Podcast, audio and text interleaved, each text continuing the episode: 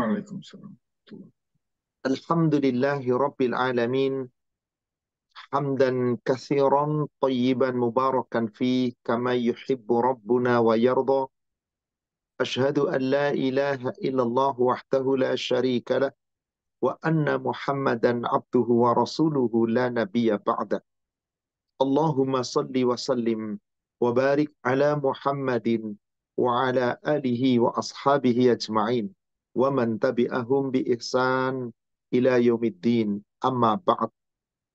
Ya ayyuhalladzina amanu taqullaha haqqa tuqatih wa la tamutunna illa wa antum muslimun. Ma'asirul muslimin wal muslimat rahimani wa rahimakumullah. Bapak Ibu para jamaah saudara seiman yang semoga dirahmati Allah. Dari jamaah Rumah Dakwah United Kingdom yang ikut bergabung pada kajian kita di malam hari ini waktu Indonesia Barat, siang hari waktu di United Kingdom, dan di mana pun para peserta yang mengikuti kajian kita di malam hari ini.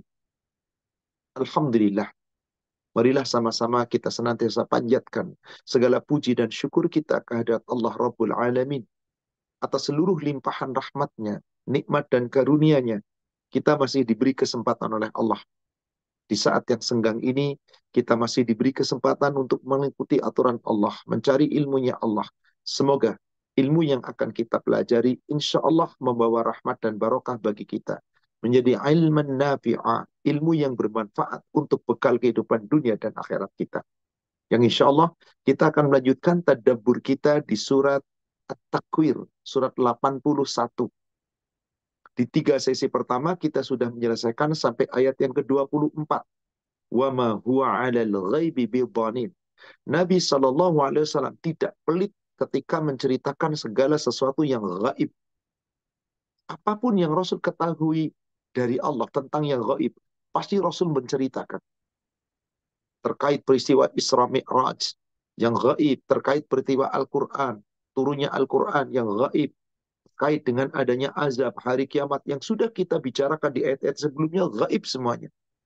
Tapi Rasul diberitahukan oleh Allah melalui firman-Nya. Maka diceritakan, beliau tidak menyembunyikan satupun. Sampai ayat ini sudah kita selesaikan di tiga seri pertemuan pertama. Insya Allah kita akan tuntaskan di seri keempat ini lima ayat terakhir. Dari ayat 25 sampai dengan ayat ke-29. Dari ayat 25 sampai 29 Allah Subhanahu wa taala telah berfirman, "Wa ma huwa biqauli syaitonir rajim." Dan Al-Quran yang disampaikan oleh Nabi Sallallahu Alaihi Wasallam itu bukan berasal dari setan yang terkutuk. Karena tuduhan-tuduhan ketika ayat ini turun, surat ini turun di Mekah, orang-orang Mekah menuduh Nabi Sallallahu Alaihi Wasallam tukang sihir, Kata-kata yang disampaikan bukan firman Allah, tapi dongeng-dongeng, syair-syair, bisikan-bisikan setan, dan seterusnya dan seterusnya. Maka dibantah oleh Allah.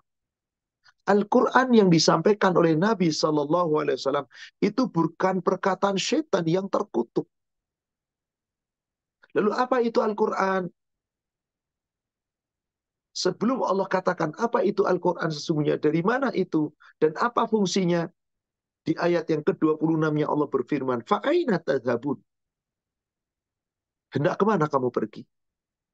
Ketika kamu menentang apa yang Allah sampaikan kepada Nabi Sallallahu Alaihi Wasallam, berita-berita gaib yang telah disampaikan, lalu kamu tidak mau mengimani Allah, tidak mau mengimani apa-apa yang disampaikan oleh Rasulullah, hendak ke mana kamu pergi? Seakan-akan Allah bertanya, bisa ke mana anda? Kalau sudah mati, mau ke mana? Jadi bangkai, musnah, dan ini di awal-awal ayat sudah kita katakan. Kita syamsu, kuwirot, dan seterusnya. Ketika nanti akan dibangkitkan manusia-manusia dari kubur, bayi-bayi yang dibunuh hidup-hidup akan bertanya, dosa apa saya dibunuh? Diawali dengan dahsyatnya peristiwa kiamat. Setelah itu terjadi, ke mana Anda? Fa'ina tadhabun. Apakah Anda bisa menghindar dari Allah nanti di yaumil akhir? Di dunia Anda bisa menghindar, tapi di hadapan Allah Adakah bisa lari? Mereka mau lari tapi tidak akan mampu. Maka pertanyaan ini sesungguhnya menjadi sindiran telak peringatan yang sangat jelas. Jangan menentang Al-Quran yang disampaikan oleh Rasul. Itu bukan perkataan setan. Itu bukan menurut hawa nafsu. Itu firman Allah yang diajarkan melalui malaikat Jibril kepada Rasulullah Wasallam yang Jibril itu sangat kuat. Maka Quran dikatakan di ayat ke-27-nya, In huwa illa zikrul lil alamin. Al-Quran yang disampaikan Nabi Wasallam tidak lain tidak bukan adalah peringatan bagi siapa? Bagi seluruh alam. Yang mau diberi peringatan. Yang nggak mau, tidak ada masalah. Mari kita akan mendalami ayat ini.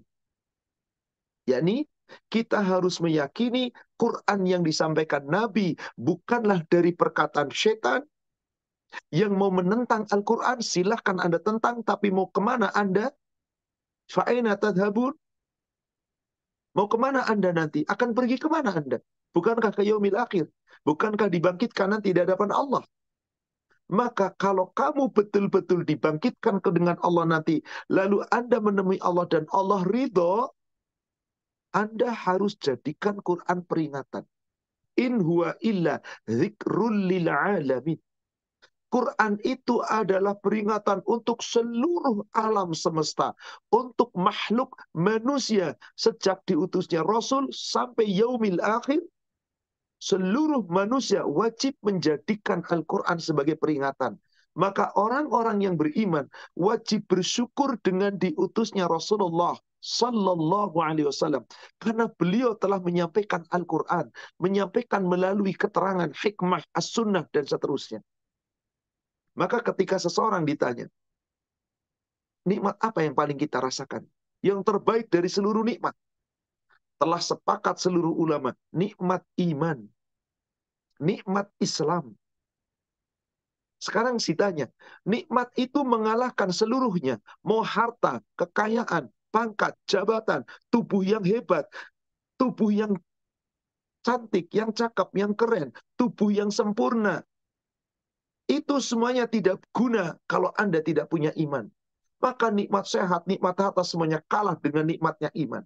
Sekarang kalau saya tanya Bapak Ibu, bagi orang-orang yang beriman, apa nikmat yang paling baik? Bagi orang-orang yang beriman, apa nikmat yang paling sempurna? Mungkin sulit untuk dijawab. Dan banyak orang nggak tahu jawabannya. Ternyata Allah telah memberikan jawaban ketika Allah turunkan surat Ali Imran, surat 3, ayat 164. Coba kita buka. Laqad A'udzu billahi minasyaitonir. Laqad mannallahu 'alal mu'minin. Perhatikan ayat ini. Sungguh benar-benar ada dua satu huruf satu kata. Lam dan qad.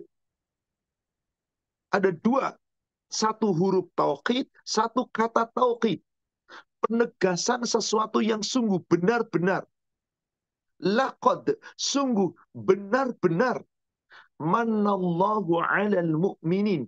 Allah telah memberikan kenikmatan. Kenikmatan yang terbaik yang Allah berikan kepada orang beriman. Apa itu kenikmatan bagi orang beriman? Kenikmatan yang terbaik. Il ba'asa fihim rasulan min anfusihim. Yaitu ketika Allah mengutus kepada mereka di tengah-tengah mereka seorang rasul dari kalangan mereka. Dia yang dimaksud Muhammad sallallahu alaihi wasallam. Lalu apa yang disampaikan Nabi? Yatslu alaihim ayat Rabbihim wa yuzakkihim wa yu'allimuhumul kitab wal hikmah Nabi Yatslu alaih menjelaskan, menyampaikan seluruh ayat-ayat Allah kepada mereka. Menyucikan mereka wa yu'allimuhumul kitab dan mengajarkan kepada mereka ilmu berupa kitab Al-Qur'an wal hikmah dan kitab berupa sunnah, hadis, hikmah, sunnah yang menjelaskan tentang isi Al-Quran. Wa inkanu min qablu lafi mubin. Meskipun dahulunya kamu sebelum mendapatkan wahyu Allah, sebelum kita diutusnya Rasulullah, maka manusia berada di dalam bolalim mubin, kesesatan yang nyata. Jadi saudara sekalian, diutusnya Rasul itu nikmat terbesar untuk kita. Bayangkan Rasul nggak diutus, sesat semuanya kita. Apa nikmat yang disampaikan oleh Rasul?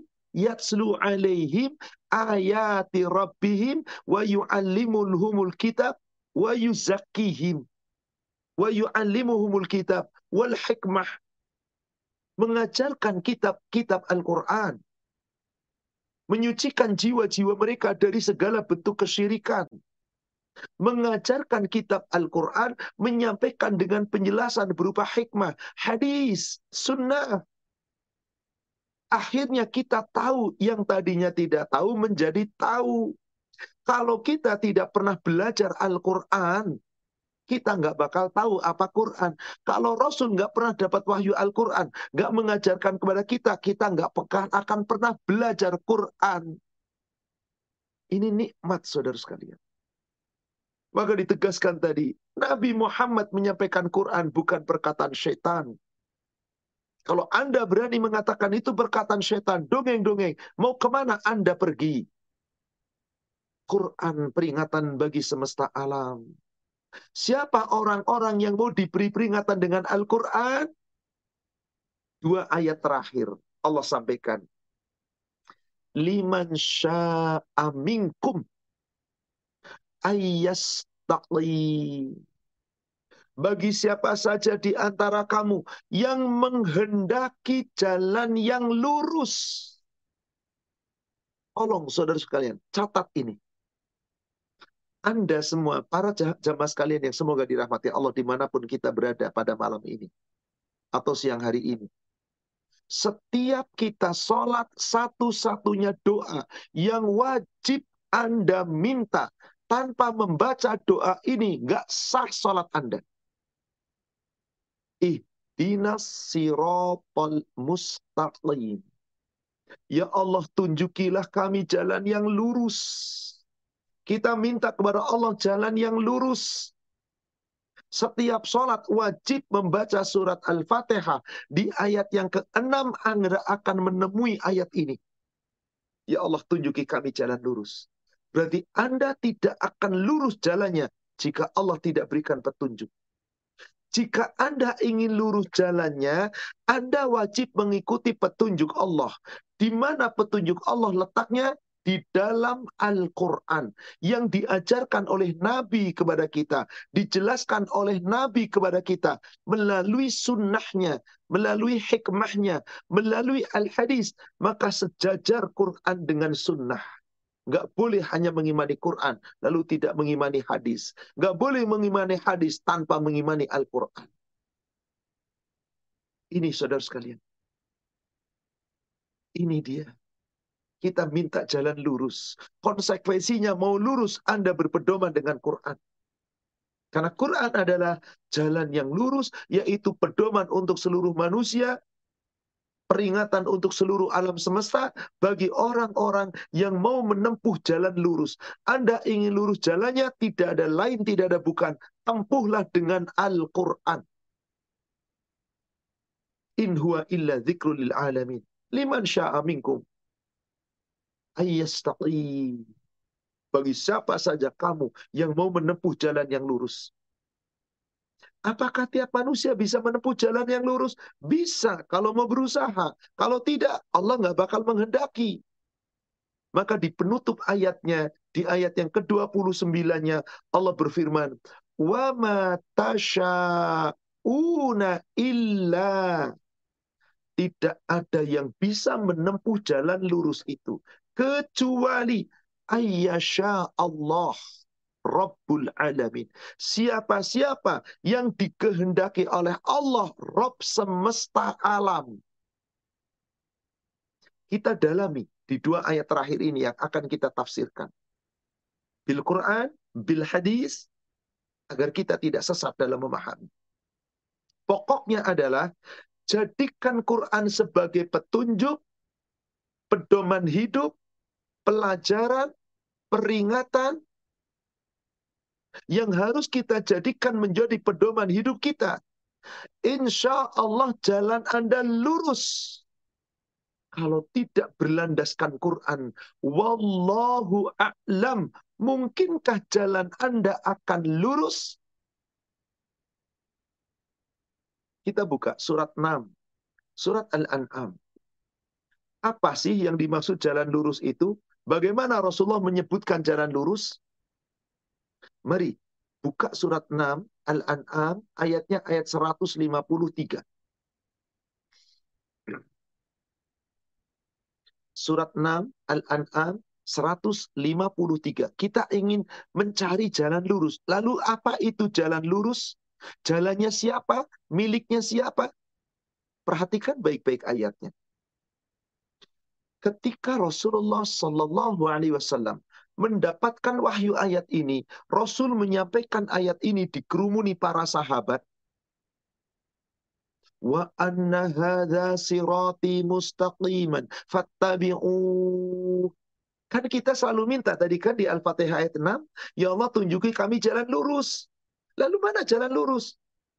Ketika turun ayat ini, Rasul menyampaikan di kalangan sahabat tadi, Rasul tunduk di tanah, beliau memegang sepotong ranting, lalu dilihat oleh para sahabat, lalu beliau menggaris satu garis lurus di bawah. Katakan ini tanah. Garis lurus ditarik, satu tarikan lurus, satu garis lurus, ditarik berulang-ulang sambil membaca ayat ini. Wa anna hadza sirati mustaqiman, wa anna hadza sirati mustaqiman. Dan sesungguhnya inilah jalanku yang lurus. Pertanyaan saya Bapak Ibu, berapa jalan lurus itu? Berapa jalan lurus? Jika kita merujuk ayat ini, wa anna hadza, inilah kalau Anda dengan bahasa Arab menunjuk kata tunjuk dengan kata hadza, tunggal atau jamak? Tunggal. Kalau jamak, zalika. Hada untuk kata tunjuk perempuan, mu'annas, eh, mudzakkar. Kalau kata tunjuk untuk mu'annas, perempuan, hadhihi, inilah. Haza, inilah. Ini satu. Wa anna hadha.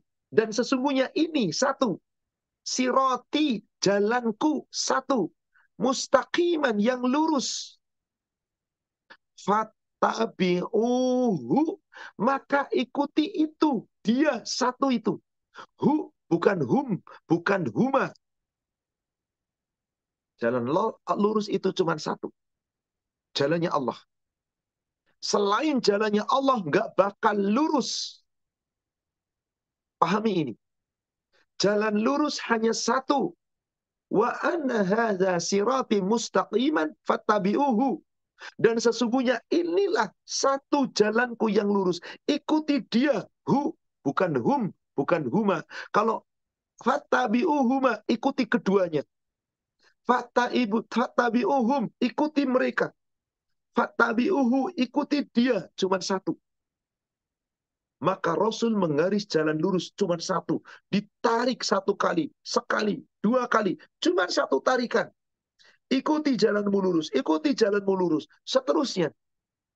Cara Rasul menyampaikan begitu indahnya.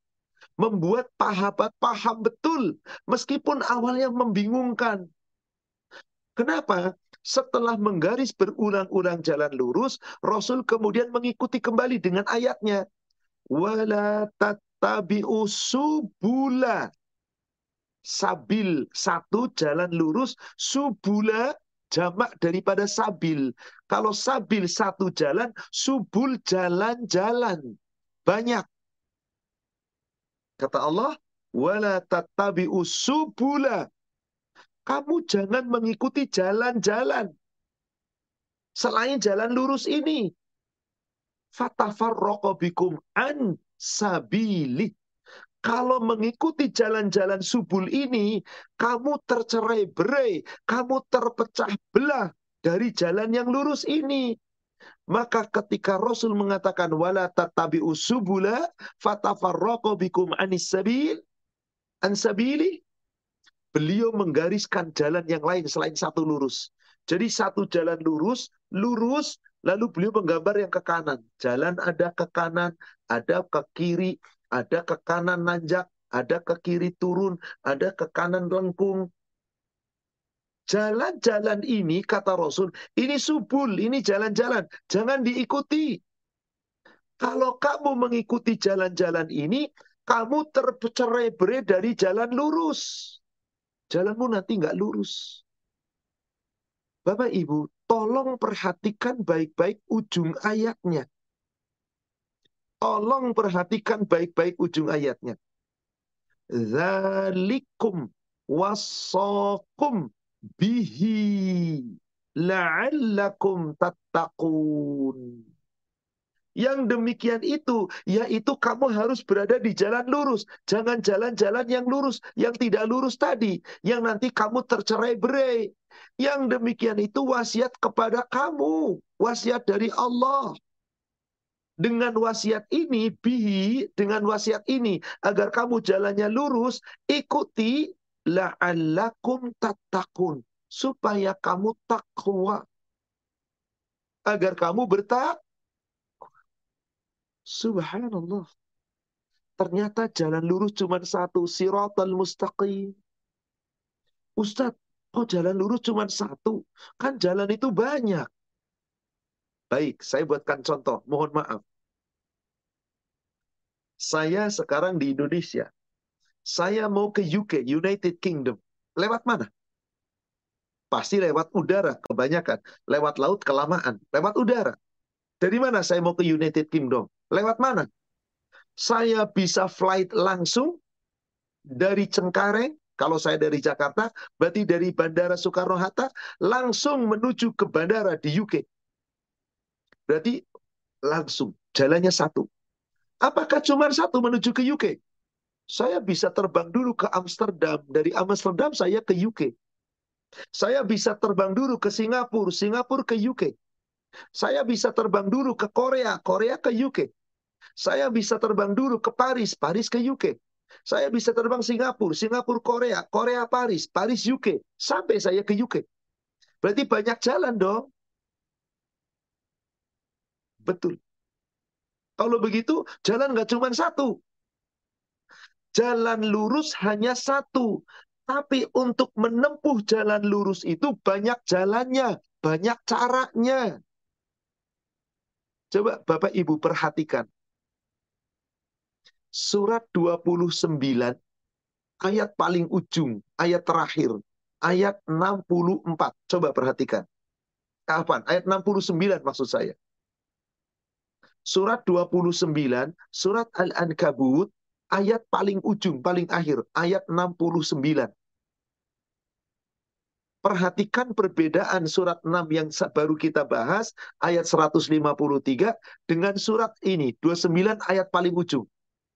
Perhatikan ayatnya.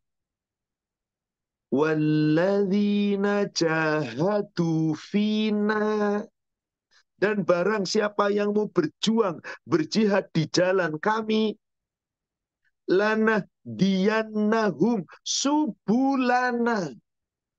Pasti akan kami berikan kepada mereka. Kami tunjukkan kepada mereka jalan-jalan kami. Wa innallaha lama'al muhsinin. Allah sesungguhnya bersama orang-orang muhsinin yang selalu ihsan, yang selalu berbuat baik, yang takut kepada Allah. Ustadz, ini jalan Allah banyak. Subulana, jalan-jalan kami. Tadi kok cuma satu? Gimana cara memahaminya? Saya untuk ke UK cuma satu jalan, naik pesawat. Tapi mau lewatin mana? Langsung strik, langsung boleh. Tadi lewat transit beberapa negara, boleh. Yang penting tetap sampai UK. Pesawatnya sama, naik kendaraannya pesawat. Tapi jalan menuju sananya ada beberapa jalan. Jalan lurus itu cuma satu, jalannya Allah. Apa yang dimaksud jalan lurus itu kata Rasulullah Al-Quran As-Sunnah Al-Quran Al-Hikmah yang Allah sampaikan tadi di surat 3 164. Ini jalan lurus cuma satu. Quran Sunnah. Ini pedoman hidup kita. Ini dari Allah. Cuma satu. Bukan. Selain Quran, selain Sunnah. Bukan jalan lurus. Tapi untuk mengamalkan jalan lurus. Quran dan Sunnah. Jalannya banyak. Melalui habluminallah. Melalui sholat. Tapi sholatmu harus tuntunannya sesuai Quran dan Sunnah. Melalui saum. Saummu harus sesuai Quran dan Sunnah melalui umrah, melalui haji, melalui sodako, zakat, harus sesuai Quran dan sunnah, melalui habluminanas. Semua yang kamu tempuh habluminanas, jalannya banyak, tapi pedomannya sesuai dengan Al-Quran dan sunnah. Jadi Quran sunnahnya cuma satu, jalannya Allah, hanya satu. Tapi mengamalkannya, jalannya banyak, sehingga kamu tetap lurus, sepanjang pedomanmu Al-Quran As-Sunnah, mau jalan dari cara mana pun beres. Inilah yang dimaksud surat 6 ayat 153, jalan lurus yang dimaksud Rasul Quran, hadis, hikmah, yang dijelaskan tadi surat 3 164. Adapun yang dijelaskan oleh Allah di surat 29 ayat 69 yang dimaksud jalan-jalan Allah adalah jalan Allah itu cuma satu. Tapi kalau kamu berjihad, bersungguh-sungguh, nanti jalan-jalan untuk menuju jalan lurus, Allah tunjukkan. Diberi petunjuk yang namanya hidayah. Saudara sekalian, di mana letaknya hidayah? Al-Quran. Anda pengen dapat hidayah? Al-Quran. Ada lurus jalannya? Al-Quran. Anda hidupnya benar? Al-Quran. Maka Quran disebut oleh Allah basairulinnas. Pedoman hidup untuk manusia. Mari kita buka suratnya. Kita pertajam tadi di dua ayat terakhir. Dari mulai ayat yang ke-27-nya. In huwa illa zikrulil alamin. Quran itu peringatan bagi umat manusia semesta alam ini liman sya'a minkum ayyastaqim yaitu bagi orang-orang di antara kamu yang menempuh jalan yang lurus. Ingat penutupnya tadi. Wa ma tasha'una illa ayyasha Allah. Rabbul Alamin. Tidak ada satupun di antara kamu yang mampu menempuh jalan lurus itu kecuali siapa yang dikehendaki Allah Rabbul Alamin. Jadi kita akan lurus jalannya kalau dikehendaki Allah. Bagaimana supaya Allah menghendaki jalan kita lurus? Ikuti petunjuk Allah. Al-Quran, Al-Hadis. Surat Al-Jasiyah. Surat 45. Ayat ke-20. Bagaimana Allah berfirman? Haza lagi-lagi Allah berikan petunjuk dengan satu kata petunjuk, yaitu kata petunjuk tunggal. Haza. Inilah Al-Quran yang dimaksud. Basairulinnas. Pedoman untuk manusia. Anda hidup di dunia wajib punya pedoman. Anda punya alat elektronik, katakan saja handphone atau alat-alat lain, pasti punya juklaknya, punya pedomannya, punya manualnya. Anda pengen hidup bahagia dunia akhirat. Manual Anda adalah hada, Al-Quran. Basairu linas. Pedoman hidup untuk seluruh manusia semesta alam. Wahudan sebagai petunjuk. Warahmah sebagai rahmah kasih sayang Allah. Bagi kaum yang meyakini. Bapak Ibu apakah Anda meyakini Al-Qur'an dengan sebenar-benarnya keyakinan? Yakin apa tidak? Monggo silakan. Jawab masing-masing. Kalau yakin Anda nggak mungkin mengabaikan Al-Qur'an. Kalau yakin anda tidak akan diam dengan Al-Quran. Kalau Anda yakin, Anda akan jadikan Quran menjadi pedoman. Tapi Anda nggak bisa berpedoman dengan Quran kalau Anda nggak tahu maknanya. Maka Allah katakan, wahai saudaraku seiman, Quran bukan sekedar bacaan. Tolong itu garis bawahi. Tolong itu ingat-ingat. Quran bukan sekedar bacaan. Lalu apa itu Quran? Surat 10 ayat 57. Surat 10 ayat 57. Apa kata Allah? Ya ayyuhan nas, hai sekalian manusia. Qad ja'atkum mau'idhatum min rabbikum. Sungguh telah datang kepadamu pelajaran dari Robmu. Apa itu yang dimaksud pelajaran? Silahkan lihat. Pasti ada dalam kurikulum. Yang dimaksud pelajaran adalah Al-Quran. Jadi disebut apa oleh Allah Al-Quran ini? Pelajaran. Kalau Quran itu pelajaran, dipelajari atau dibaca? Dipelajari. Yang namanya mempelajari melalui baca atau tidak? Baca. Lah kalau Anda ingin dapat petunjuk, nggak pernah baca Quran. Nggak pernah mempelajari Quran. Apa yang terjadi? Kapan Anda dapat petunjuk? Nggak bisa, saudara sekalian. Quran ini pelajaran. Ya ayyuhanas, hei manusia, qad ja'atkum mau'idatum min rabbikum. Sungguh telah datang kepadamu pelajaran dari Rabbmu. Kalau kamu mau mempelajari Quran sehingga paham dan kamu mengamalkannya, wasyifa'ul lima sudur. Quran akan menjadi obat, penawar bagi penyakit-penyakit yang ada di dalam dada wahuda wa rahmatul lil mu'minin akan menjadi petunjuk dan rahmat untuk orang yang beriman. Kalau Anda ingin beriman, pelajari Quran karena Quran adalah pelajaran untuk orang-orang yang beriman untuk bisa meraih takwa. Anda ingin beriman imannya menjadi takwa? Ingat, wasiat Allah supaya lurus, pegang Al-Quran. Supaya lurus, supaya kamu jadi takwa. Tadi sudah diuraikan, surat 6, 153. Zalikum wasakum bihi la'allakum. Inilah wasiat Allah kepada kamu, yaitu berpeganglah dengan Quran, jalan yang lurus satu-satunya, supaya kamu bertakwa. Ikuti wasiat Allah. Maka Nabi tidak pernah berwasiat dengan harta. Nabi dan para nabi ketika wafat tidak mewariskan harta. Apa warisan beliau? Di dalam hadis yang diriatkan oleh Imam Muslim dari sahabat Talhah bin Musarrif. Talhah bin Musarrif, semoga orang meridainya. Dia bertanya kepada Abdullah bin Aufa bin Abi Aufa, "Ya Abdullah ibnu Abi Aufa, wahai Abdullah bin Abi Aufa, hal awsa Rasulullah sallallahu alaihi wasallam Apakah ketika Rasulullah hendak wafat, beliau berwasiat tentang harta? Apakah beliau berwasiat? Ini tentang harta? Faqala la.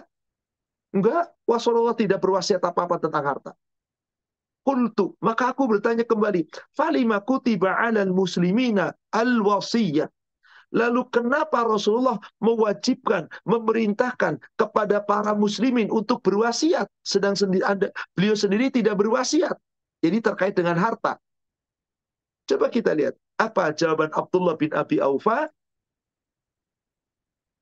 Au falima umiru bil wasiyah. Kenapa kami disuruh wasiat kalau Rasul sendiri tidak berwasiat? Apa jawaban beliau?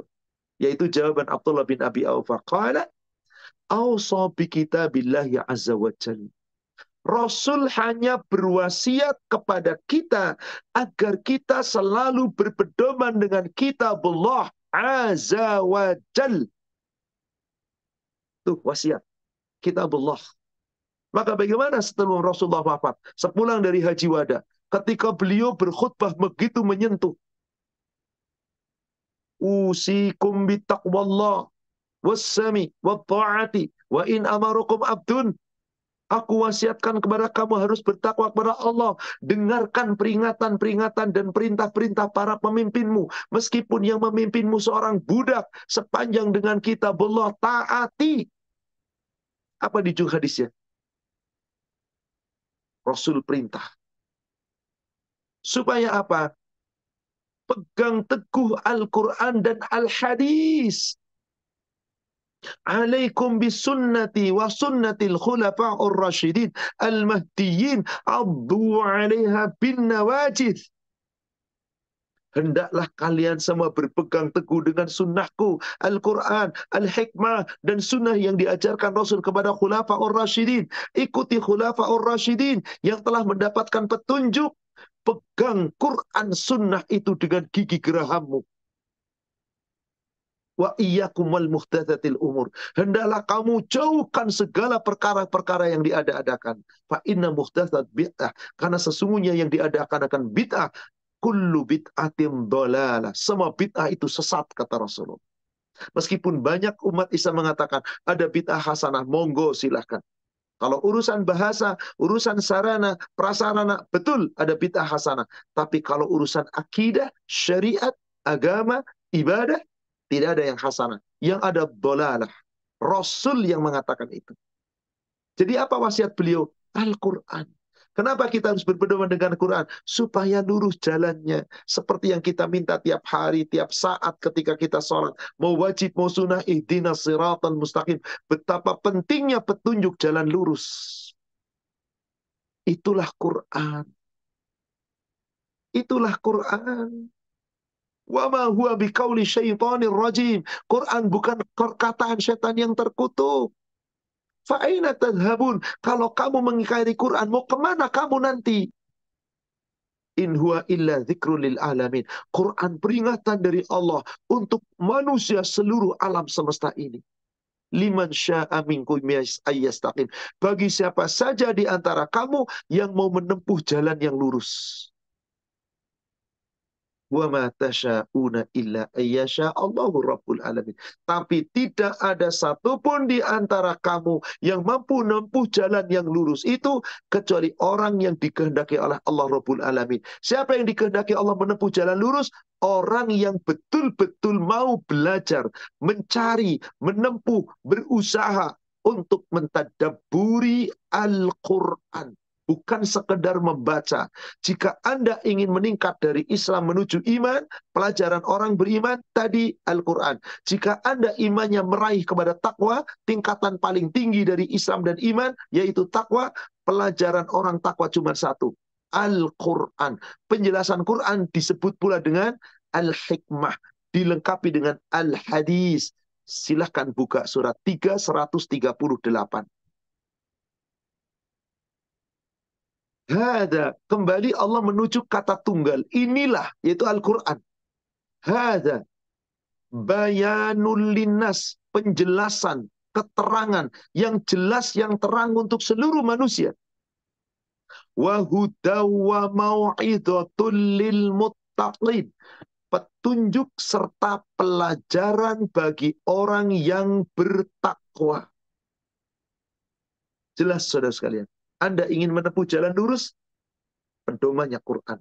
Anda ingin dapat petunjuk dari Quran, jangan jadikan Quran hanya bacaan. Pelajari Al-Quran. Pelajari Al-Quran. Karena Quran ingat tadi, zikrul lil alamin. Peringatan Allah untuk seluruh manusia. Awalnya Quran itu peringatan untuk Nabi Muhammad. Tetapi tentu Nabi Muhammad menyampaikan pula kepada kita. Maka Nabi Shallallahu Alaihi Wasallam menjadikan Quran itu sebagai peringatan, sumber kemuliaan yang paling mulia. Dan bukan hanya untuk Nabi, termasuk untuk kaumnya. Dan kita semua kaumnya Nabi Shallallahu Alaihi Wasallam pasti akan dimintai pertanggungjawaban tentang Al-Quran. Tolong catat ini. Jangan dikira kita bebas saja tentang Al-Quran. Dimintai tanggung jawab kita oleh Allah tentang Al-Quran. Jika kamu benar-benar beriman. Jika kita mengaku bahwa kita umatnya Nabi Sallallahu Alaihi Wasallam. Lihat surat Az-Zukhruf. Surat 43. Kita lihat ayat 44. Surat Az-Zukhruf, surat 43, ayatnya ayat 44. Allah Subhanahu wa taala berfirman, wa innahu lazikrul laka wa liqaumika. Dan sesungguhnya Quran itu benar-benar sumber kemuliaan untukmu ya Muhammad. Karena isinya adalah peringatan-peringatan yang hak dari Allah. Bukan hanya untuk Muhammad sallallahu alaihi wasallam, wali kaumika juga bagi kaummu. Jadi Nabi Muhammad mulia dengan Al-Quran. Siapa umat Nabi Muhammad ingin mulia, ikuti Nabi, pedomani Al-Quran. Ingat, kalau Anda tidak mau mempelajari Al-Quran, tidak mau mengamalkan Al-Quran, di ujung ayat dari surat Az-Zuhruf, ayat 44 tadi, pertanyaan Allah, wasaufatus. Sungguh, kamu benar-benar kelak di akhir akan dimintai pertanggungjawaban tentang Quran. Maka saudara sekalian, orang yang di dunia tidak peduli dengan Quran, mengabaikan peringatan Allah, yaitu Al-Quran. Ngeri Bapak Ibu. Berat jamin. Kita masih kembali di Al-Zukhruf tadi. Coba Bapak Ibu di surat 43 ini, tadi ayat 44, sekarang mundur ke 36 dan 37. Bapak Ibu mundur ayatnya ke ayat 36 dan ayat 37. Coba perhatikan baik-baik di situ. Wa rahman Barang siapa yang berpaling dari zikir Ar-Rahman. Apa itu zikir? Al-Quran. Maka dalam kurung apa? Al-Quran. Siapa yang berpaling dari Al-Quran? Nuqayyid lahu syaitanan fahuwa lahu qarin. Allah akan jadikan untuknya setan-setan. Yang setan itu akan menjadi teman setianya. Orang yang gak, tidak pernah peduli dengan Quran. Teman setianya kata Allah setan. Lalu bagaimana setan itu? Ayat berikutnya, tiga tujuhnya. Wa innahum layasuddunahum anis sabil. Wa yahsabuna annahum muhtadun setan-setan itu akan selalu menghalang-halangi orang itu dari jalan lurus. Setiap orang yang tidak mau Al-Quran, tidak mentadaburi Al-Quran, jalannya nggak bakal lurus kata Allah. Karena dihalangi oleh setan dari jalan lurus. Tapi mereka merasa dirinya lurus. Mereka mendapat petunjuk. Aneh. Ada orang nggak belajar Quran, nggak pernah mentadaburi Quran, nggak pernah mencoba untuk mengetahui Quran, nggak beramal dengan Quran, nggak ngaku salah. Karena karyanya setan. Itu kata Allah. Dia jalannya nggak lurus, dihalang-halangi oleh setan. Tapi merasa dirinya dapat petunjuk. Apa sebabnya? Lari dari Quran. Maka saudara sekalian, Quran itu peringatan. Quran itu peringatan, di dalamnya peringatan. Kalau Anda mau diperingatkan dengan Al-Quran, Anda akan mulia. Maka kata Rasulullah Sallallahu Alaihi Wasallam, ada kaum yang dimuliakan Allah dengan sebab Al-Quran. Ada kaum yang direndahkan, dihinakan Allah disebabkan Al-Quran. Dan Quran kelak menjadi hujah. Al-Quranu hujjatul lak au. Quran menjadi penolong, hujah bagimu atau akan menuntut kamu. Hadis sahih riwayat Imam Muslim dari sahabat Abu Malik Al-Ash'ari. Kamu akan dimintai tanggung jawab. Menjadi hujah, penolong, pembela, atau penuntut kamu. Maka Rasul perintahkan kepada kita, Iqra al-Quran. Fa'innahu Bacalah Quran, tadaburi Quran. Karena sesungguhnya Quran yang kamu tadaburi itu liusfi'a akan memberikan syafaat li ashabi untuk pembacanya, orang yang mentadaburinya. Anda pengen dapat syafaat? Hayo tadaburi Quran. Lihat kembali, Quran itu sumber kemuliaan karena isinya peringatan-peringatan. Surat Al-Anbiya Surat Al-Anbiya surat 21. Lihat ayat 10. Laqad anzalna ilaikum kitaban fihi zikrukum. Sungguh kata Allah telah kami turunkan kepadamu ya Muhammad sebuah kitab Al-Quran yang di dalamnya Al-Quran itu adalah isinya peringatan-peringatan terbaik untukmu. Sumber kemuliaanmu ada di dalam Al-Quran. Maka orang mulia dengan Quran. Umar bin Khattab menyampaikan itu. Ketika ada bekas budak, dijadikan menjadi pemimpin, menjadi imam, Umar bin Khattab protes, kenapa dia? Gak ada yang lain. Ya Umar bin Khattab, bukankah Allah telah menyampaikan bahwasanya seseorang dimuliakan dengan Al-Quran, dihinakan dengan Quran. Siapa lagi yang lebih banyak bagus pemahaman dan hafalan Al-Qurannya selain dia?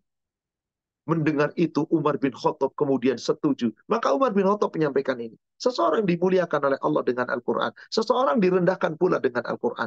Kalau yang tidak mentadaburi, rendah kedudukannya di hadapan Allah. Yang mentadaburi, mulia di sisi Allah.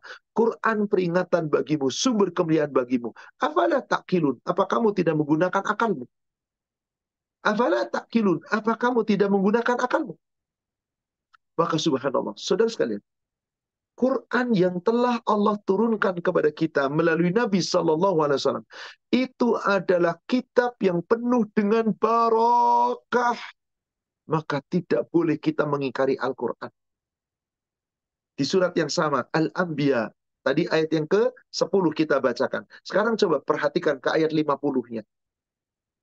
Wahada zikru mubarakun anzalna Selalu Allah katakan hada, hada, hada, ini. Karena jalan lurus cuma satu, Quran. Tapi untuk menjalankannya, menuju Quran, jalannya banyak.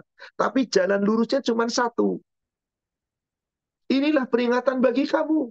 Quran itu adalah sumber kemuliaanmu. Telah kami turunkan. Anzalnahu. Dan itu penuh dengan barakah. Apa antum lahu mungkirun? Apakah kamu mau mengingkari Al-Quran? sebuah pertanyaan. Nggak butuh jawaban. Terserah Anda yang menjawab. Terserah Anda yang menjawab. Apakah Anda ingin menjawab bahwasanya Quran itu sekedar bacaan? Monggo. Kalau Anda ingin itu jadikan petunjuk, obat penawar dari segala penyakit, silakan. Hanya orang beriman yang mengakini itu. Bagi orang kafir, Quran menambah kesesatan. Bukankah itu yang Allah firmankan di surat Al-Isra? Surat 17 di ayat ke-82. Wa nunazzilu minal kita minal Qur'ani ma huwa. Dan tidaklah kami turunkan Al-Quran itu kecuali menjadi obat penawar. Wa rahmatul lil mu'minin. Menjadi rahmat kasih sayang Allah untuk orang yang beriman wala yazai wala illa khasara. Bukankah Quran itu untuk orang zalim, bukan menjadi petunjuk, bukan menjadi rahmat, tapi menambah kesesatan, keraguan, kerugian dan seterusnya? Apakah kita ingin menjadi orang-orang yang rugi? Apakah kita ingin menjadi orang-orang yang tidak mentadaburi Al-Quran? Jangan sampai nanti kita menyesal. Karena di akhir zaman itu kata Rasulullah Sallallahu Alaihi Wasallam Quran sudah banyak dicabut dari dada-dada manusia. Apa yang dimaksud dicabut dari orang beriman?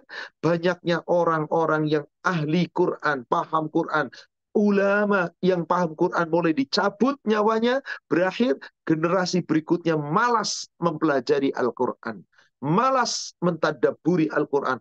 Akhirnya ilmu agama sudah mulai berkurang. Akhirnya nanti ada orang-orang bodoh menjadi pemimpin. Berfatwa tanpa dengan dalil Al-Quran dan Al-Hadis. Akhirnya sesat dan menyesatkan. Apa kamu tidak mentadaburi Al-Quran? Apa kamu ragu Quran itu dari Allah, bukan dari Allah?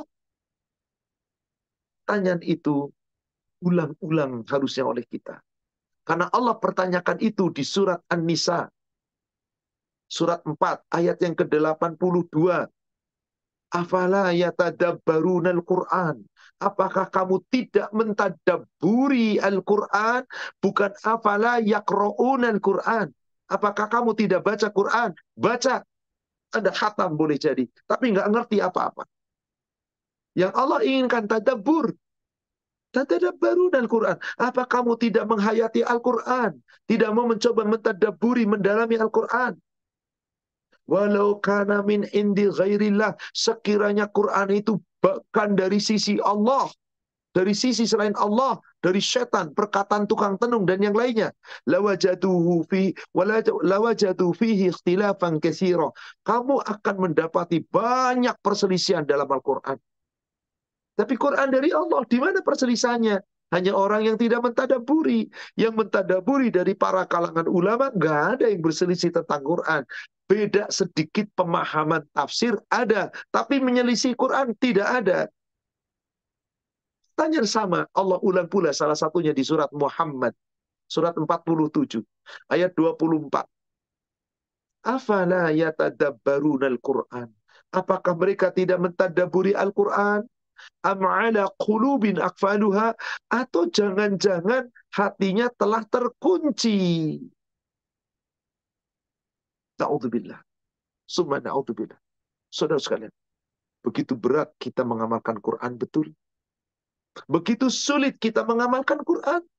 Tapi insya Allah, jika kita mau mentadaburi dan sedikit demi sedikit kita mau mempelajari, sedikit demi sedikit kita mau memahami dan kita mengamalkannya, insya Allah.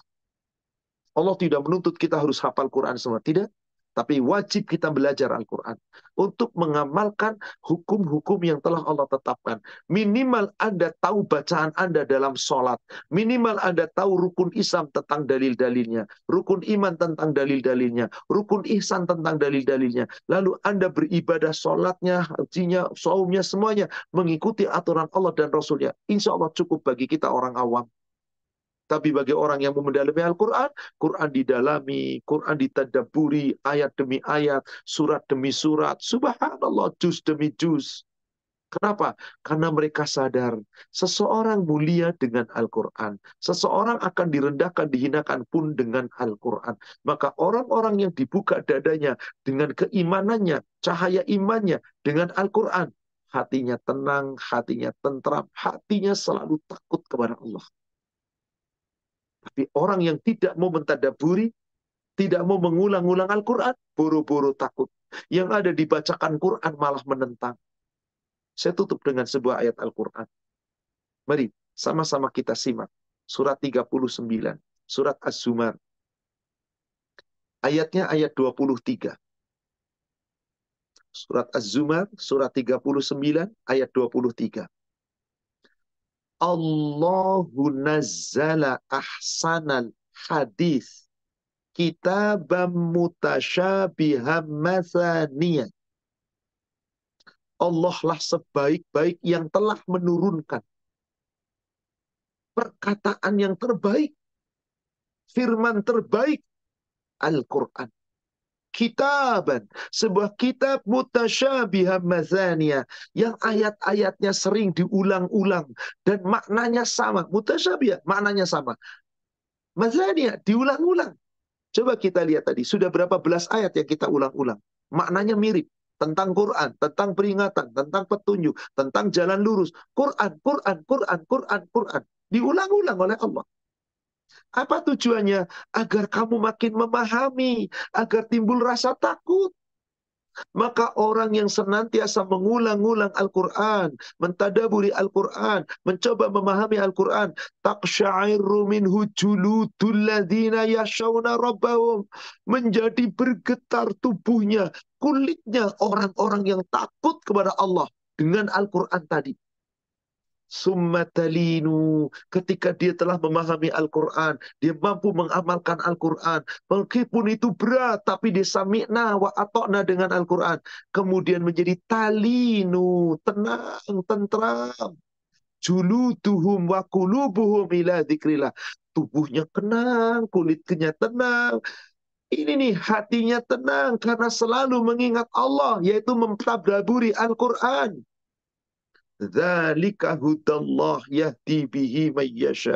Itulah Quran. Jika kamu mentadaburinya, mempelajarinya, dan terus mengulang-ulangnya, maka kamu akan mendapatkan petunjuk. Maka Allah berikan petunjuk dengan Quran bagi siapa yang Allah kehendaki. Wa mayyud lilillah fama lahu min kalau ada orang tidak mau mencari petunjuk, lalu dibiarkan sesat oleh Allah, adakah yang bisa memberi petunjuk setelah Allah biarkan dia sesat? Mari kita merenung, mari kita berpikir, silahkan Bapak Ibu, ulangi pelajaran kita pada malam hari ini tadabur surat takwir yang kita bahas di pertemuan terakhir ini. Dari ayat yang ke-25 sampai ayat 29. Pendek-pendek ayatnya tapi sungguh betapa berat pengamalannya. Karena seperti itulah Allah telah jelaskan. Semoga kita mampu menjadikan ayat-ayat Al-Quran menjadi tadabbur bagi kita, peringatan bagi kita, dan menjadi penenang hati dan jiwa kita, serta tubuh kita. Dan kita mampu mengamalkannya dalam kehidupan sehari-hari. Insya Allah. Amin. Ya Rabbal Alamin. Demikian saya rasa cukup uraian selama satu jam kajian kita. Setengah jam ke depan sampai jam 9 seperempat waktu Indonesia Barat, kita lakukan dengan sesi tanya jawab. Kami kembalikan kepada admin Akhirolan, silakan kita lanjutkan sesi tanya jawab. Juga kalau khair Ustaz atas uh, kajiannya. Uh, ini kami ingatkan kembali untuk yang mau bertanya bisa dititikkan lewat admin ataupun ditanyakan langsung lewat feature raise di Zoom. Uh, mungkin, oh ini udah langsung ada yang resen nih Ustaz. uh, silahkan uh, Bu Kiki Maharani. Silakan di-unmute. Assalamualaikum warahmatullahi wabarakatuh. Uh, Ustadz, izin bertanya. Saya pernah dengar Ustadz, uh, kalau baca Al-Quran sebaiknya juga baca uh, bahasa Indonesianya agar bisa mengerti, memahami. Tapi saya juga dikasih peringatan kalau kayak begitu harus ada gurunya. Nanti kamu kalau baca sendiri malah salah paham apa. Jadi bagaimana Ustadz menyimak tadi uh, kajian kita hari ini? Mohon uh, arahannya Ustadz. Jazakallah haran katsiron. Wah iya. Ibu, tadi sudah diulangi beberapa ayat tentang tadabbur. Apa kamu tidak tadabburi?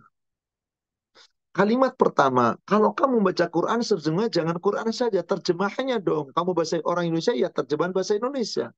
Kamu di Inggris ya terjemahan bahasa Inggris. Yang penting tahu artinya. Tapi kamu nggak boleh sendiri menerjemahkan. Kalau baca terjemah boleh sendiri. Tapi kalau mentadaburi, mencoba memahami, nggak boleh. Betul.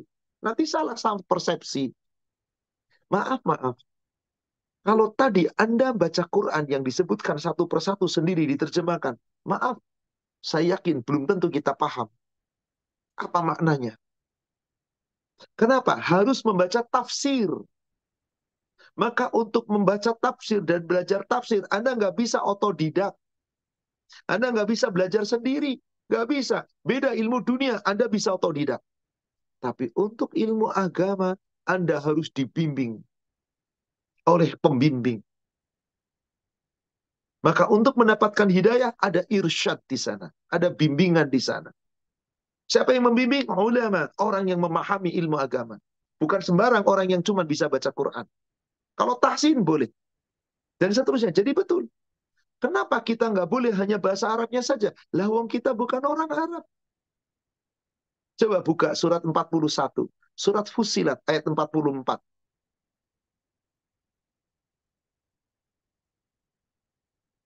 Surat Fusilat, surat 41, ayat 44.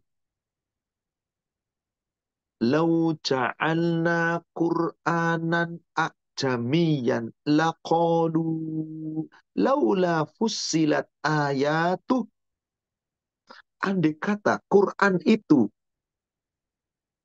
diturunkan oleh Allah kepada Nabi Muhammad dengan bahasa selain bahasa Arab Pasti orang-orang Arab yang mendapatkan wahyu melalui Nabi Muhammad akan berkata, laqalu, benar-benar berkata, laula ayat itu.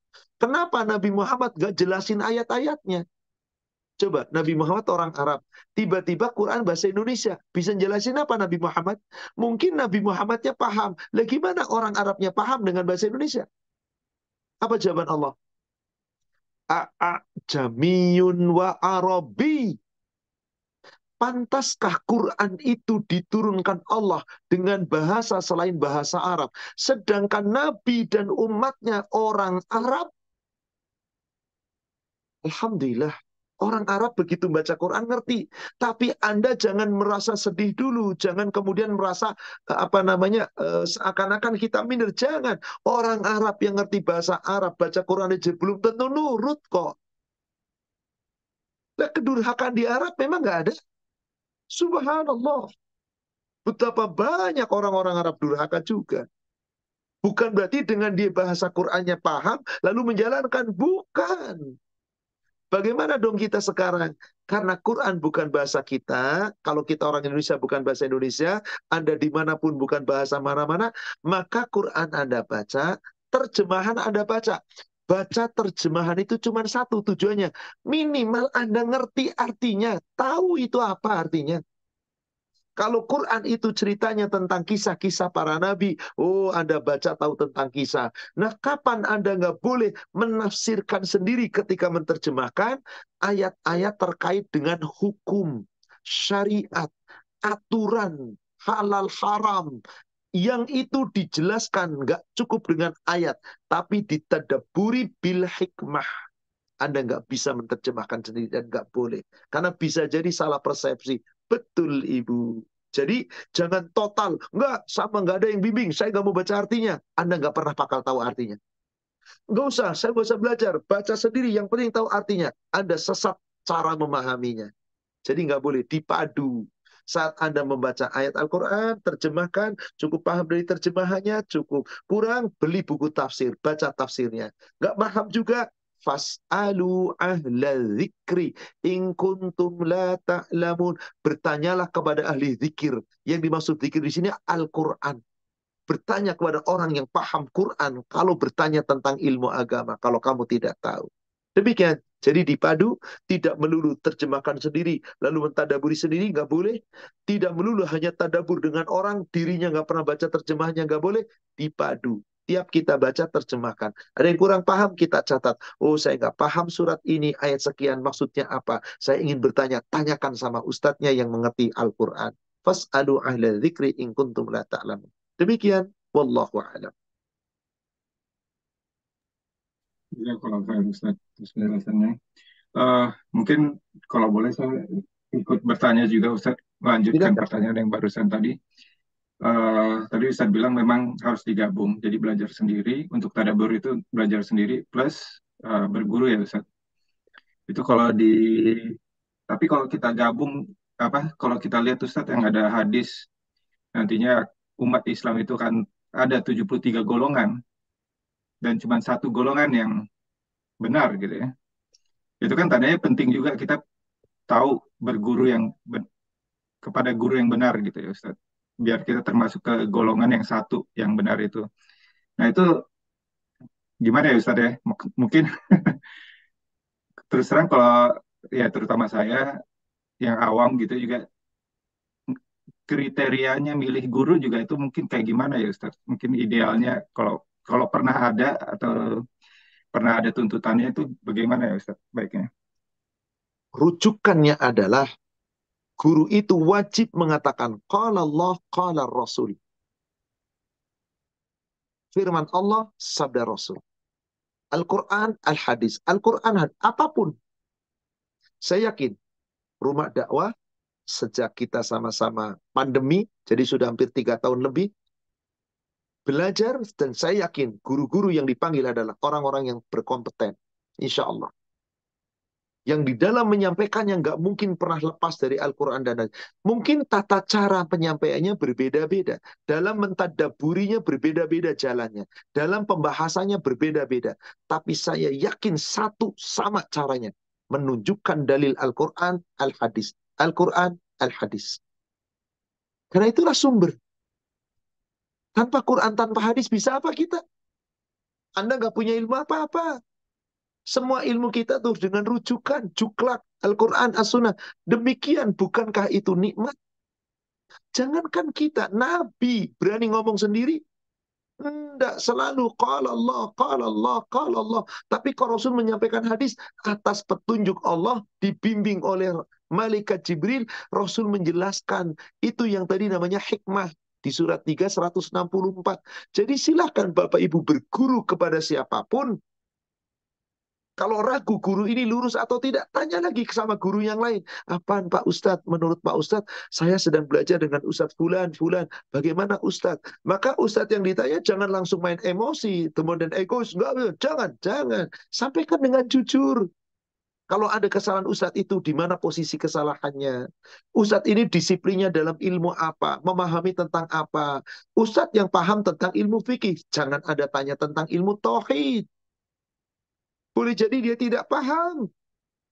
Ustadz yang memahami ilmu tauhid, ilmu akidah, nggak nggak tahu paham ilmu fikih, jangan ada tentang ilmu fikih. Boleh jadi nggak paham hadisnya.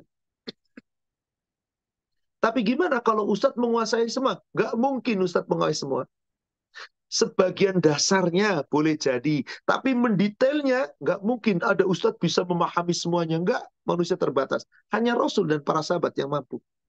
Ulama-ulama terkemuka yang mampu. Sekelas Imam Abu Hanifah, Imam Malik bin Anas, Imam Ash-Syafi'i, Imam Ahmad bin Hambal. Mereka ulama-ulama besar. Yang betul-betul memahami ilmu-ilmunya dirangkum itu pun masih ada perbedaan-perbedaan. Lalu bagaimana dengan generasi berikutnya?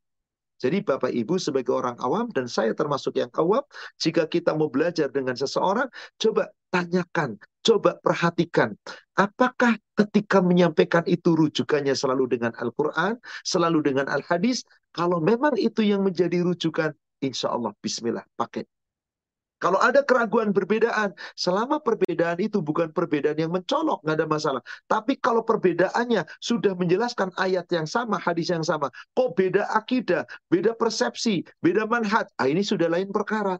Tapi kalau masih sekedar perbedaan furu, iya, yang cabang-cabang, insya Allah tidak masalah. Contoh, ketika kita belajar di dalam Al-Quran, ini tentang cerita Allah yang gaib, tentang Ashabul Kahfi. Nanti ada yang berkata, enggak ini jumlahnya sekian penghuninya. Penghuni gua itu ada lima orang, yang keenamnya anjing. Enggak, enam yang ketujuhnya anjing. Perbedaan ini jangan menjadi polemik. Allah sendiri mengatakan. Nanti ada yang mengatakan yang empat itu orangnya, kelimanya anjing. Nanti ada yang mengatakan kelima orang, keenamnya anjing. Nanti ada yang mengatakan enam orang, tujuhnya anjing. Udah, nggak usah diperdebatkan. Yang tahu hanya Allah. Yang tahu itu tentang itu hanya Allah. Maka kalau ada perbedaan begitu, nggak ada masalah. Nanti berbeda. Tetap apa? Misalkan salah satu contoh. Mengawali awal bulan Ramadan. Sama-sama pegangannya Al-Quran hadis. Nanti ada yang berbeda ada yang harus mengikuti ruhya, ada yang mengikuti hisab, ada yang harus mengikuti amir, ada yang harus mengikuti ini. Berbeda. Nah, dalam hal ini kita punya kedewasaan. Mana kira-kira yang penjelasannya paling komplit, paling mendekati kebenaran, rujukannya bagaimana, dalilnya, bagaimana pemahamannya, saya kok mantap yang ini, bismillah amalkan. Tapi jangan dengan hawa nafsu. Demikian. Jadi tentu kita harus kritis. Sebagaimana Anda belajar dalam ilmu dunia, Anda kritis kok. Nggak setiap ada dosen ngomong main ditelan aja, ditajami dulu. Dosen ini berbeda dengan ini, Anda nggak mungkin ambil dua-duanya. Pasti coba dulu yang mana kira-kira yang benar. Demikian. Bukankah Anda belajar sebegitu seriusnya ilmu dunia begitu?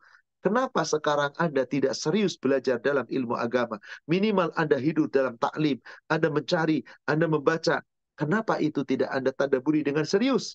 Nanti ditanya Allah. Maka tadi, Quran akan meminta pertanggungjawaban kepada kita. Dan kita akan dimintai pertanggungjawaban oleh Allah tentang pedoman kita, yaitu Al-Quran. Wallahu a'lam. Demikian.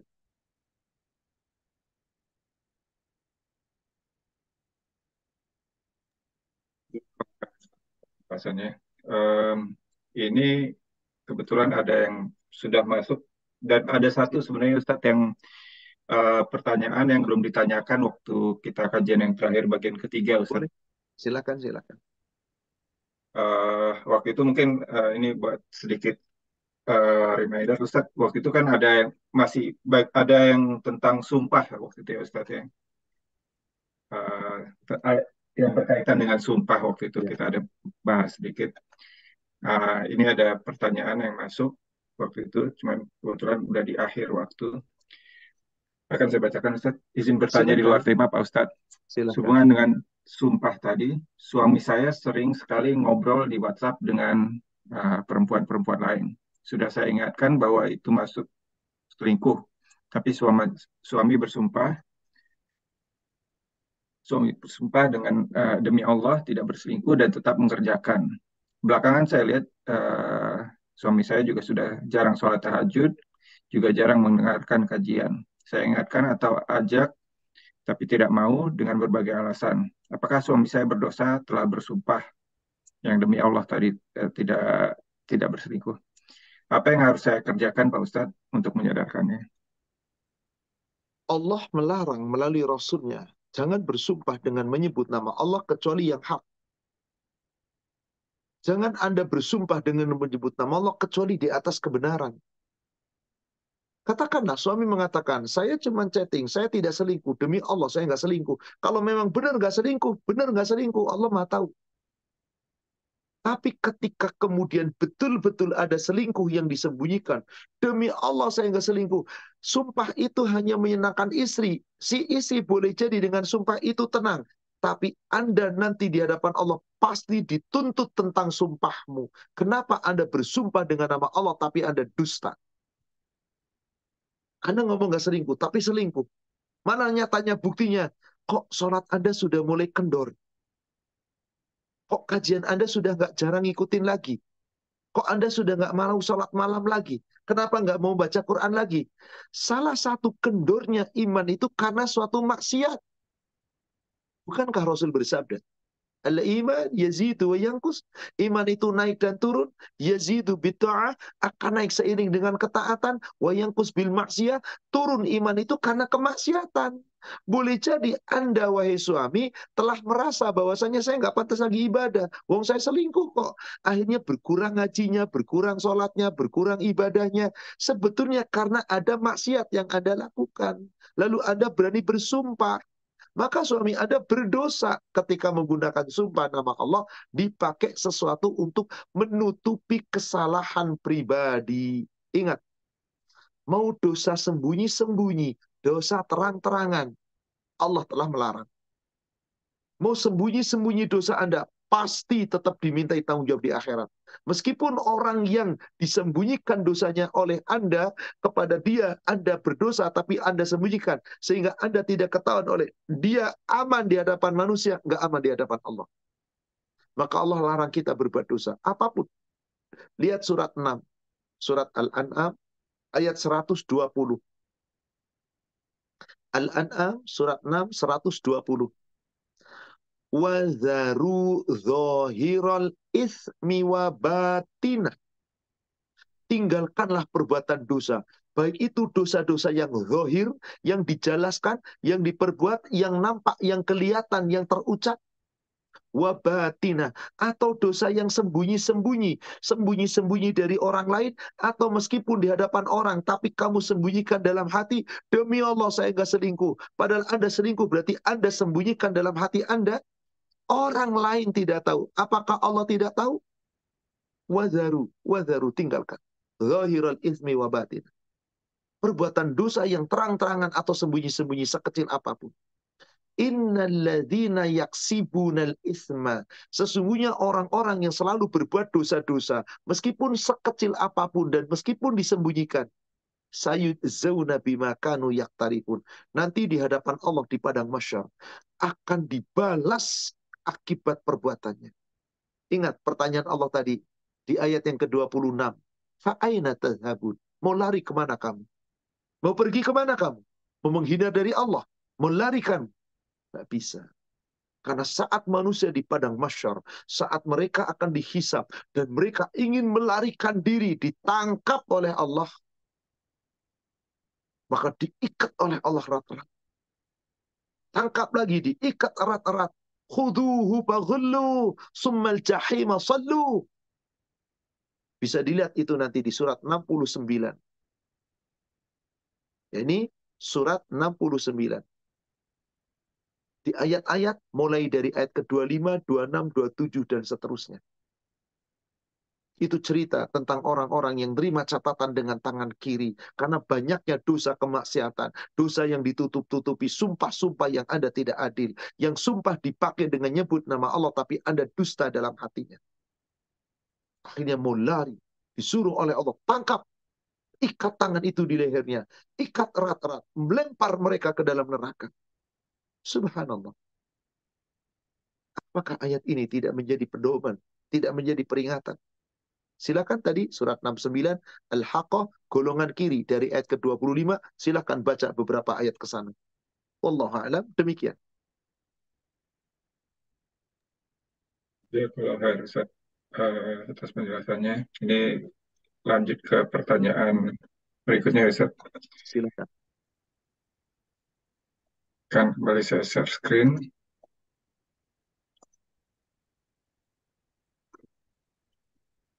Begini pertanyaan Ustaz. Assalamualaikum Ustaz. Uh, bagaimana sikap kita terhadap sikap Saudi terhadap konflik Palestina? Karena ada yang suka menjelek-jelekan sikap Saudi yang sekarang mulai sekuler. Mohon arahannya Ustaz. Syukran. Saya tidak mengikuti politik di Arab Saudi, saya tidak tahu persis, daripada saya komentar tidak benar, lebih baik saya tawakuf.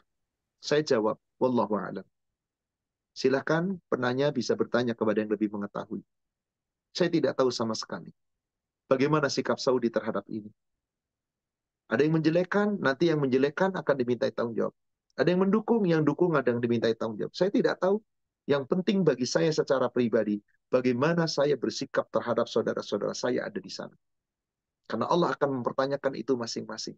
Tapi saya secara pribadi, saya selalu memberikan support dengan doa dan saya mengajak kepada sahabat-sahabat, ayo kita peduli dengan saudara-saudara kita yang sedang dalam kan. Adapun banyak fitnah ini itu atau dukungan ini itu atau tidak benaran saya tidak tahu. Yang jelas mereka saudara kita sesama musim sedang dalam keadaan ter, dalam keadaan uh, teraniaya. Kita wajib ikut berbela sungkawa dengan cara kita bersimpati dan empati. Jika kita punya sebagian harta kelebihan, mari kita bersimpati, kita sumbang. Mari kita simpati. Mari kita berempati dengan cara apa? Kita mendoakan, kita bisa memboikot dan yang lainnya. Dan saya menyerukan itu. Adapun menilai tentang negara ini, negara ini bukan kapasitas saya dan saya sama sekali tidak tahu. Saya tidak berani komentar, saya hanya mengatakan wallahu a'lam. Demikian. Mungkin itu sering di sosial media ya Ustaz. Beritanya berseliweran dan agak sulit di semua yang ikut di sosial media mau menilai ini, mau menilai itu, mau membela, mau ini demi Allah akan ditanya oleh Allah. Wahai saudara sekalian, ingat, jangan Anda perberat situasi Anda gara-gara hanya menilai, menilai, menilai yang kita tidak tahu. Sama, maaf, di negara kami dan Anda, orang-orang Indonesia yang berada di UK pun akan mengadakan pilihan nanti.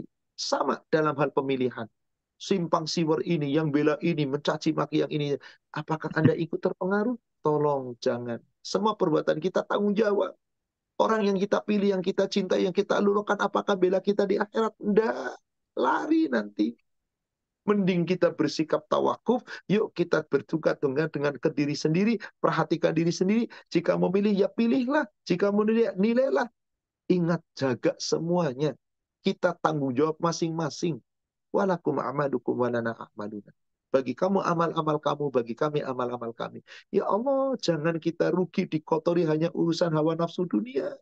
Adapun penilaian-penilaian yang kita tidak tahu, nggak tahu. Mau mencari kebenaran juga nggak tahu, bingung dari mana. Sedangkan Allah sudah memberikan kepada kita pedoman. Di surat 60, surat 49, ayat yang ke-6.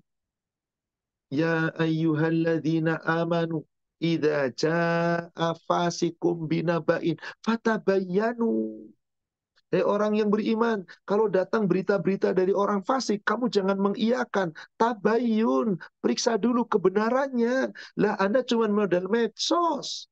Ngomong ini, ngomong itu, lalu di mana? Jangan. Tabayun itu langsung. Gak bisa Ustadz ya. Sudah stop. Anda jangan ikut menggunjing. Jangan ikut komentar. No comment. Tawakuf. Itu paling aman. Karena kita tidak pernah tahu kebenarannya. Karena Quran apa namanya media-media itu subhanallah suka nggak suka like and dislike. Kadang-kadang mengomentari ini karena dia benci ya udah yang jelek saja yang dibabat. Ketika ini banyak jeleknya yang baik saja yang disampaikan. Nah, itulah curangnya manusia.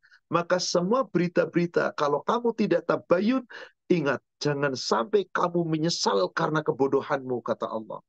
Wallahu a'lam Demikian. Jadi mohon maaf, saya tidak menjawab dan saya tidak berkomentar tentang itu karena saya tidak punya kapasitas tentang itu. Allah Akbar. Baik Ustaz, Ya, ada pertanyaan satu lagi Ustaz, yang mungkin yang terkait masih eh, penanya mengkonsider ini sebagai di luar topik, tapi masih ada terkait dengan baca Quran nih Ustaz. Uh, pertanyaan begini, Assalamualaikum warahmatullahi wabarakatuh Pak Ustadz, izin bertanya di luar tema. kalau ba'da subuh itu utamanya kita membaca Quran dulu atau zikir pagi dulu. Terutama untuk ibu-ibu yang pagi-pagi biasanya langsung sibuk untuk mengurus anak dan suami. Baik. Bapak Ibu, kita bisa lihat skala prioritas. Skala prioritas. Sebagai contoh, ada orang duduk di masjid menunggu waktu sholat. Mana yang paling baik? Baca Quran, zikir, doa, baca Quran lebih baik. Luangkan waktu untuk baca Quran. Ada orang sudah dengar waktu sholat duhur. Jedaknya kira-kira seperempat jam sampai iqomah. Apalagi kalau di Arab Saudi kan lama, kadang 20 menit. Sudah sholat qobliyah, dua rakaat. Tambah dua rakaat lagi. Masih ada waktu sisa lebih dari lima menit. Mana yang terbaik? Baca Quran atau Anda berdoa atau berzikir? Berdoa. Karena ada hadis. Ad-du'a'u bainal adhan wal iqamah la yurad. Doa yang kamu panjatkan antara adan sampai iqamah tidak tertolak. Lihat skala prioritas. Doa. Anda selesai sholat. Begitu salam ke kanan, salam ke kiri. Kan yang terbaik.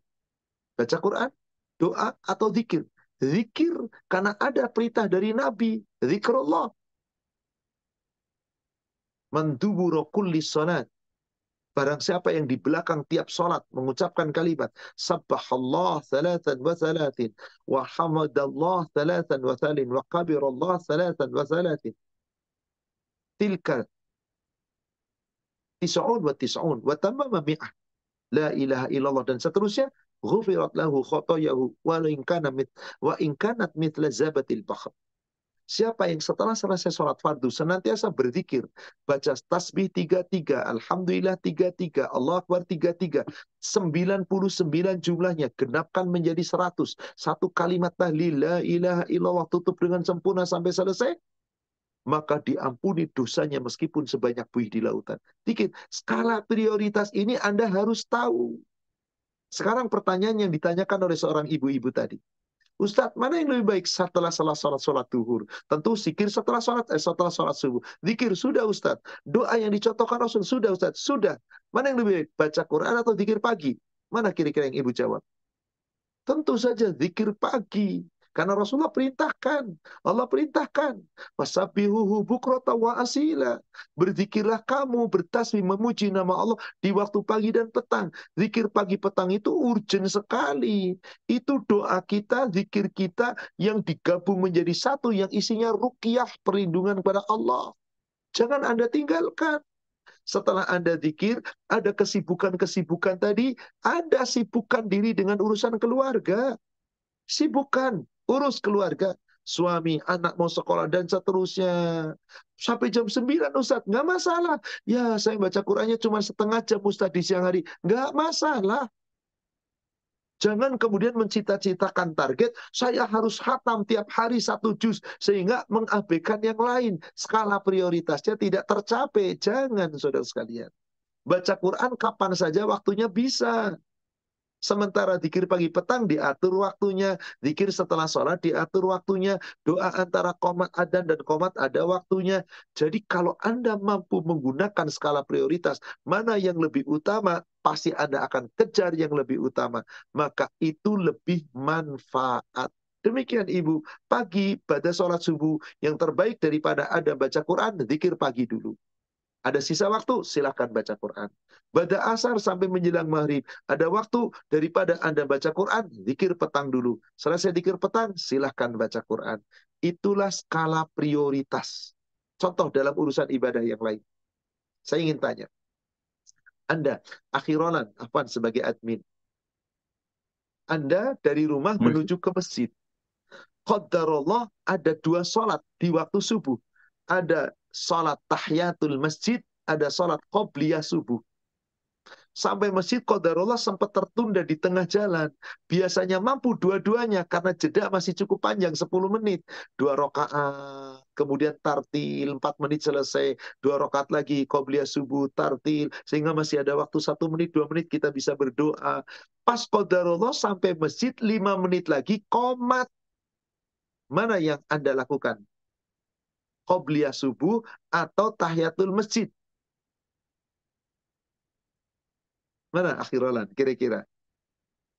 Dia subuh, Ustaz. Tepat Qobliyah subuh. Sunnat raqatil fajri khairu minat dunya wa ma fiha. Dua rakaat salat Qobliyah subuh lebih baik dari dunia dan seisi. Anda bisa tahiyatul masjid setiap masuk masjid. Tapi Qobliyah subuh nggak bisa setiap masuk masjid. Lihat skala prioritas. Sedangkan perintah Rasulullah, "Idza dakhala ahadakumul masjid fala yajlis hatta yusalli rak'atain." Yang penting apabila kamu masuk masjid, jangan kamu langsung duduk, melainkan sholat dua rakaat. Anda sholat dua rakaat, tapi niatnya qobliyah subuh karena niatnya lebih utama. Apakah nanti dapat pahala dua? Ya dapat tahiyatul masjid dan dapat qobliyah subuh? Wallah alam urusan Allah. Ibadah bukan ngejar-ngejar pahala semata, tapi bagaimana keikhlasan kita. Seperti itulah kira-kira ilustrasinya skala prioritas. Semoga jawaban ini bermanfaat pula untuk para jamaah yang lain. Jadi pertanyaan tadi, ibu laksanakan eh, apa namanya zikir pagi dan petangnya di waktu pagi. Setelah ada waktu, kemudian baca Quran. Nggak ada waktu, teruskan pekerjaan rumah tangga Anda. Karena wanita bekerja, mengurus suami dan anak, pahalanya jauh lebih besar dibandingkan Anda baca Quran. Baca Quran di waktu yang lain bisa. Maaf, bukan berarti menyepelekan baca Quran. Tapi skala prioritas yang mana dulu yang harus diselesaikan. Wallahu a'lam. Demikian saudaraku seiman yang semoga dirahmati Allah. Sepertinya waktu juga yang membatasi. Sudah habis satu setengah jam kajian kita dari awal. Semoga apa yang sama-sama kita uraikan, kita kaji dan kita pelajari, insya Allah bermanfaat untuk kita semuanya. Barokah untuk kita semuanya. Dan semoga kita termasuk hamba-hamba Allah yang cinta dengan Quran. Buktinya, mari kita baca, kita tadaburi, kita pelajari, kita yakini, dan kita amalkan. Insya Allah kita semoga diberi kekuatan oleh Allah mampu mengamalkan itu sesuai dengan kemampuan kita. Wallahu a'lam yang benar dari Allah, yang disampaikan melalui Rasulnya. Yang salah saya yang menyampaikan yang penuh kekurangan, kita manusia yang penuh kekhilafan. Semoga Allah memaafkan dan mengampuni dosa kita. Mari saudaraku seiman, kita sama-sama akhiri dengan kafaratul majlis. Subhanaka Allahumma wa bihamdik. Asyhadu an la ilaha illa anta. Astaghfiruka wa atubu ilaih. Alhamdulillah. Billahi taufiq. Assalamualaikum warahmatullahi wabarakatuh. Jazakallahu khairan kepada akhirolan selaku moderator. Barakallahu fikum jazakumullahu khairan untuk semua jamaah semuanya. Saya mohon pamit lebih dulu, Akhi. Baik, Ustaz. Insya Allah ketemu lagi, Ustaz. Insya Allah. Alhamdulillah Rabbil Alamin. Jazakallah khair Ustaz atas waktu dan ilmunya. Semoga kajian kali ini bermanfaat bagi kita semua. Untuk menyimak kembali kajian kali ini dan kajian-kajian sebelumnya, silahkan kunjungi channel YouTube kami di channel Rumah Dakwah UK ataupun lewat platform RSS, Apple maupun Google Podcast. Kami dari panitia mohon maaf jika ada kekurangan dan kesalahan. Barakallahu fikum. Wabillahi taufiq wal hidayah. Wassalamualaikum warahmatullahi wabarakatuh.